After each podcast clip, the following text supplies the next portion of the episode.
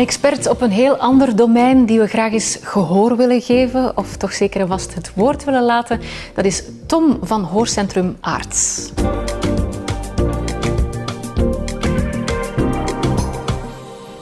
Dag Tom, jij bent audioloog, dus ik kan jou alles vragen wat te maken heeft met onze oren, niet waar?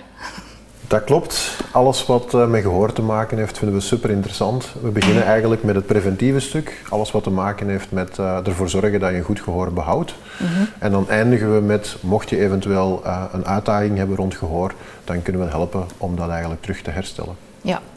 Het oor, ik denk dan ook altijd meteen aan wat er allemaal in ons hoofd zit, maar het is natuurlijk ook de oorschelp. Mhm. En ik heb er onlangs een discussie over gehad. Een oorschelp, groeit die nu zolang dat we blijven leven? Ja. Uh, dat is zo? Ja, de neus en de oor uh, die blijven inderdaad ah, wat groeien. Dus de oorschelp en de gehoorgang. En dat is vooral ook belangrijk richting gehoorbescherming. Dat als je dat op een bepaald moment gekocht hebt, dat je toch na elk jaar een beetje moet controleren dat dat nog wel goed genoeg vast genoeg in jouw oor zit. Want op duur, als je oor groeit, dan komt dat wel losser te zitten. Dat gaat over millimeters. Mm maar, uh, dat is wel belangrijk en daarom moet je na een aantal jaren, ik weet een vier of een vijf, zou ik toch adviseren om je gehoorbescherming te, te hernieuwen. Uh, ja. Ja, dat is zeker een goede tip. Nu, wie komt er allemaal naar een audioloog? Zijn dat vooral mensen die gehoorschade hebben, al ernstige gehoorschade dan? Ja, je hebt eigenlijk de mensen met licht gehoorverlies, matig gehoorverlies en ernstig gehoorverlies die eigenlijk uh, langskomen.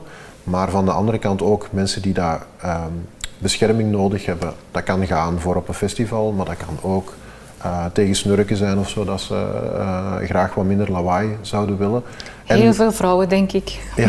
Heel luidruchtige echtgenoten. zijn inderdaad uh, eerder de dames die daarvoor binnenkomen. Ja. Um, en de, de, jonge mama's komen ook vaak binnen voor gehoorbescherming, voor allee, de, het zwemmen eigenlijk hè, van de kindjes. Dat, ah, ik dacht voor krijsende baby's, om ze niet te horen. Dat zijn meer de, de crèche-eigenaars die daarvoor komen. ja.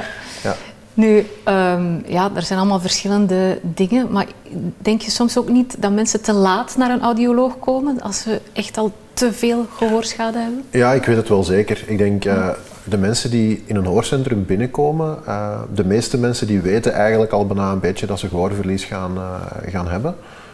dus dan krijgen we eigenlijk vrij een hoog aantal mensen waar tegen wij moeten zeggen van ja inderdaad, je hebt gehoorverlies. Maar eigenlijk zouden wij veel meer een preventieve rol willen hebben. Uh, rekening houden met het feit dat 10%, 15% van de mensen slechthorend is, zouden we eigenlijk graag ook de mensen die gewoon goed horen langs krijgen om daar preventieve testen bij te doen. Inderdaad, ja. ja. En hoe zou je dat kunnen doen? Hoe kunnen mensen al op voorhand weten van ja, dat zou wel kunnen leiden naar hoorschade? Ja. Voor de Um, mensen die slechthorend zijn, is eigenlijk een klassieke hoortest ideaal. Dus je hoort toontjes en je steekt je hand omhoog wanneer dat je die gehoord hebt, dat kent iedereen. Mm -hmm. Maar eigenlijk voor uh, het preventieve aspect gebruiken we de zogenaamde distortieproduct auto-akoestische emissies, DPOAE. Mm -hmm. En daar ga je eigenlijk een geluid geven aan het oor en je buitenste haarcellen die gaan daar eigenlijk automatisch op antwoorden, op reageren. En dat antwoord dat kan je registreren en dat geeft eigenlijk een heel goed zicht op hoe is het nu gesteld uh, met jouw gehoor. Vaak zie je al soms bij mensen van 18, 19, 20 jaar, zie je al lichte vormen van gehoorverlies opkomen in ja, ja. die uh, auto-akoestische emissies. En als ze dan ja, 50 zijn, of misschien zelfs al 40 of 60, dan ga je eigenlijk zien uh, dat dat op de hoortest uh, zichtbaar is. Dus dat is een heel goede manier om in doog te houden van ja, wat, wat gaat er komen en moet ik nog een tandje bijsteken met, uh, met bescherming eventueel. Ja, want ook veel mensen hebben last van, van oorsuizen. Dat kan dan door mm -hmm. heel veel te veel lawaai op, op hetzelfde moment. Ja. En, en dat leidt dan tot tinnitus, als ik het goed heb? Oorsuizen en is... tinnitus is gewoon een andere ja, naam. dat is het, oké. Okay. Ja. Maar raak je daar dan nog vanaf? Ja, meestal wel. Uh, er zijn een tweehonderdtal behandelingen uh, voor tinnitus. Uh, maar een van de grootste uitdagingen voor de medische wereld daar is om elke keer de juiste behandeling voor de juiste uh, persoon uh, te vinden. Mm -hmm. je hebt een aantal clusters. Je hebt behandelingen die te maken hebben met geluid. Dus dat kan muziektherapie zijn, dat kan tinnitus retraining therapie zijn, dat kunnen hoortoestellen zijn en zo verder. Dan heb je zuilen die meer werken op ontspanning en relaxatie. Dan heb je toepassingen die meer werken op medicatie. Dan heb je toepassingen die werken op hersenstimulatie en zo verder. En de toekomst zal zijn dat we hopelijk via artificiële intelligentie sneller gaan kunnen weten welke patiënt met welke behandeling het snelst geholpen is. Maar nog altijd beter om het te vermijden natuurlijk. Dat is een pak handiger dan uh, eerst last te hebben van dat oorsuizen. Ja, dat is zeker dat. Allee, het is toch al hoopvol dat er iets aan kan aan gedaan worden. Inderdaad, ja.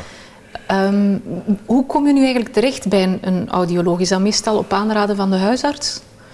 Oh, dat, ja, verschillend. Sommige mensen die komen zelf omdat ze het gevoel hebben van ja, ik heb toch rond mijn gehoor, ik merk toch dat dat niet 100% is en wij zijn op dat vlak heel laagdrempelig. Mensen kunnen eigenlijk uh, gewoon gratis eens langskomen en eens komen informeren.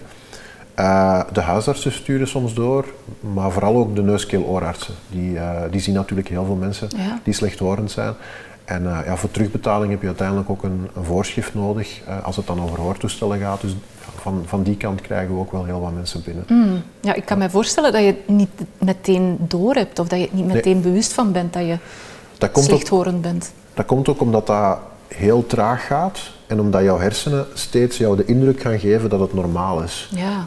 waardoor men wel eens zegt dat gehoorverlies eigenlijk een beetje een sluipmoordenaar is, tegen dat je echt doorhebt dat je, dat, je, dat je gehoorverlies hebt, dan ben je meestal al vrij ver. Dus dat is meestal geen goed idee om daarop te wachten totdat je zelf tot de conclusie komt van nu is het wel heel erg. Het is mhm. veel beter om, uh, juist gelijk dat je naar een tandarts zou gaan, om, om ja, ja. te checken dat eigenlijk alles prima is, dat je dat eigenlijk uh, rond het gehoor ook doet. Een jaarlijks bezoek bij de audioloog, dat zou eigenlijk prima zijn. Eigenlijk beter, ja. ja. Want je hebt er al een paar genoemd, maar wat zijn zo de belangrijkste oorzaken van gehoorschade? Um, ja, lawaai is uh, een vaak voorkomende. Uh, chemicaliën kunnen in, in sommige industrieën ook veroorzaak geven tot, uh, ja, tot gehoorverlies. Dat kan. Ehm, op bepaalde leeftijden ga je soms meer kans maken op, uh, op gehoorverlies. Dat heeft dan te maken met het feit dat je minder doorbloeding hebt en daardoor eigenlijk minder zuurstof ja. in, de, in de oren krijgt. maar er zijn ook, we mogen ook niet vergeten dat er heel veel mensen geboren worden al met gehoorverlies hmm. of kort na de geboorte gehoorverlies ontwikkelen door, door bepaalde aandoeningen of virussen. Hersenverliesontstekingen zijn daar ook voorbeelden van. Dus er kunnen heel veel redenen zijn.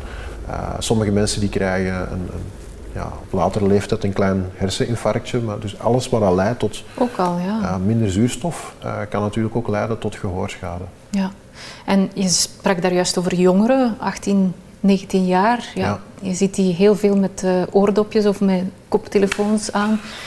Als je dat te luid zet, is waarschijnlijk op termijn ook niet zo goed. Nee, nee ja, je zit echt rechtstreeks te stimuleren. Uh, dus als dat niet goed gecontroleerd is, dan wordt het snel heel, uh, heel gevaarlijk. Dus het is altijd belangrijk om ja, te checken of dat je wel veilige niveaus ja. gebruikt. De meeste degelijke apparatuur is daarop beveiligd, maar de goedkopere varianten durven wel eens wat minder beveiligd te zijn en dat kan gevaarlijk zijn. Ja. Nu iets anders. Hoe zit het eigenlijk met de terugbetaling van de audioloog? Is dat voor verbetering vatbaar of is dat goed momenteel? Uh, ja, de terugbetaling voor uh, hoortoestellen is een vast bedrag en de terugbetaling voor uh, gehoorbescherming dat hangt eigenlijk van de ziekenfondsen af. Bij het Vlaams Centraal Ziekenfonds is dat 50 euro. Mm dus dat is wel fijn dat de, ja, dat je eigenlijk de kans hebt om je gehoor uh, te beschermen ja. uh, en daar ook nog een terugbetaling voor kunt uh, genieten. Ja, en er is ook een, een tegemoetkoming van VNZ voor oordoppen op maat, dacht ik, hè?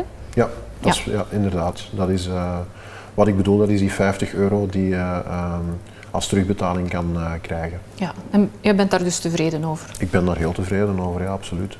Zeker ook omdat uh, zoals het Vlaams Neutraal Ziekenfonds neutraal is, je hebt vrije keuze van waar je kan gaan voor, die, voor die mhm. oordoppen. En dat vind ik wel een, een, een heel charmant iets aan de manier waarop dat zij werken ja. rond dat voordeel. Dat zou natuurlijk goed zijn dat er een jaarlijks onderzoek zou zijn. Dan zou dat toch ook handig zijn dat dat kan terugbetaald worden. Dat zou helemaal te gek zijn als we daar uh, zouden kunnen maar dat, landen. dat ligt nog op, uh, op, de, op de stapel waarschijnlijk. We, we, zien eigenlijk in de gezondheidszorg dat we meer van curatief eh, zaken oplossen aan het evolueren zijn naar preventief. Uh, dus ja, dat, dan hoop ik wel dat we daar ooit gaan komen, dat het terugbetalingsstelsel daar ook meer op gericht gaat worden. Ja. ja. We gaan stilletjes aan afronden, maar toch tot slot kan je ons nog wat tips en advies geven uh, bijvoorbeeld voor ja, je gehoor zo, zo goed mogelijk te verzorgen, dat je op lange termijn toch blijft goed horen? Ja. Um, één, wacht niet totdat je zelf denkt dat er een probleem is, maar kom uh, gewoon eens standaard je gehoor uh, laten controleren, ervan uitgaande dat alles in orde zal zijn, dan is dat meestal ook wel zo. Maar dan heb je tenminste een idee van hoe het gesteld is, mm -hmm. kan je het makkelijker bewaren. Uh, ten tweede, uh, bij gehoorbescherming is het belangrijk om erover na te denken wat het hoofdgebruik is. Hè, want sommige mensen willen graag combineren. Die zeggen van ja, ik zou graag mijn gehoorbescherming dragen op een festival. Mm -hmm. uh, maar ik wil ook dat in de slaapkamer het stiller is, omdat mijn partner snurkt. Ja, dat is toch wel een, een, een ander soort geluid. Bij snurken wil je alle geluid weg. Bij een festival wil je de muziek uh, zo goed mogelijk ja, ja. Uh, dus heb je andere oordopjes dus nodig. Soms als je te veel dingen probeert te mengen, uh, ja, dan, dan krijg je eigenlijk iets wat voor niks 100% is. Ja. En dan is het soms handig om, om, om te kiezen. Ja. Zijn er ook dingen waar je speciaal kan op letten om gehoorschade te vermijden? Bijvoorbeeld plaatsen waar je best niet te veel komt? Of... Tegenwoordig kan je eigenlijk al iets gemakkelijker een, een app installeren waarmee dat je een eenvoudige uh, decibelmeter, decibelmeter ja, kunt ja. doen. Dus dan, kan je een beetje een idee krijgen van wat er speelt. Maar meestal staat dat wel vrij goed uh, aangegeven. Maar het is daar vooral belangrijk dat je, ja, dat je er bewust van bent dat, dat hele luide geluiden zoals ja, een, een, een treindienststation aankomt of, of, of uh, een festival waar je geen gehoorbescherming draagt, allee, die, die extremere momenten, die zijn gevaarlijk. Ja. Uh, met nieuwjaar uh, vuurwerk afsteken en daar vlakbij die ja, explosies gaan staan, ja, dat is echt geen ja. goed idee. Of iemand die heel, heel hard niest, zoals mijn echtgenoot. Ja, dat weet ik niet. Ik heb uw maar je waarschuwt mij gemeten. altijd wel, als hij niest. Ja. Ja, zijn er trouwens klachten die je vaak tegenkomt die eigenlijk heel gemakkelijk te vermijden zijn? Um, ja, je, je, hoort eigenlijk het meest dat mensen nogal lang gewacht hebben uh, voor een oortoestel. Dat is een klassieker. De meesten zeggen, ja, ik had dat vijf jaar eerder moeten doen of tien jaar ja. eerder. Uh, en met gehoorbescherming is het meestal ook dat ze iets hebben meegemaakt. Hè, er is iets heel plots gebeurd. En dat ze dan eigenlijk komen, had ik maar uh, sneller met gehoorbescherming aan de slag gegaan, dan had ik dat kunnen vermijden. Ja. Dus dat is, meestal komt daar ja, toch een beetje frustratie dat dat men daar niet sneller mee aan de slag gegaan is. Ja, want het is ook een sociaal gegeven. Hè? Je gaat je meer afzonderen als je minder hoort, denk ik dan. Ja, mogelijk. Hè. Als, ja. Je, als je slechter hoort, dan kun je twee reacties krijgen. Sommige mensen gaan juist heel veel praten om niet te moeten luisteren. En andere mensen gaan eigenlijk uh, liever gesprekken vermijden. En ja, iedereen heeft in zijn psychologische gezondheid nood aan, aan communicatie. Dus dat is ontzettend jammer als ik als communicatie stroever begin te gaan. Dus uh, ja. dat zijn zaken die we heel graag willen vermijden. En je ziet het niet zitten, hè? Het is niet dat je mensen kunt aanduiden van, oh, die heeft een hoorapparaat. En dan nog een laatste tip misschien, is uh, spraakverstaan in lawaai. Daar hebben we ook een test voor, uh, waarbij dat we eigenlijk uh, woordjes geven en achtergrondslawaai. Want veel mensen die zeggen, ja, ik hoor nog wel, maar ik versta niet goed in, in, in lawaai. Mm -hmm. Laat dat dan testen, want het, het kan effectief zo zijn dat je heel wat meer moeite hebt om te verstaan in, ja, ja. in ja. achtergrondslawaai. En soms, in een aantal gevallen, is dat ook te verhelpen. Oké, okay. Tom, Heel interessante tips. Dankjewel voor het gesprek. Heel graag gedaan, Amaryllis. En wij gaan deze podcast dus afsluiten, maar blijf zeker en vast nog bij ons of neem eens een kijkje op de website van VNZ, want er komen nog zeker heel wat andere podcasts. Allemaal even interessant. Tot de volgende keer.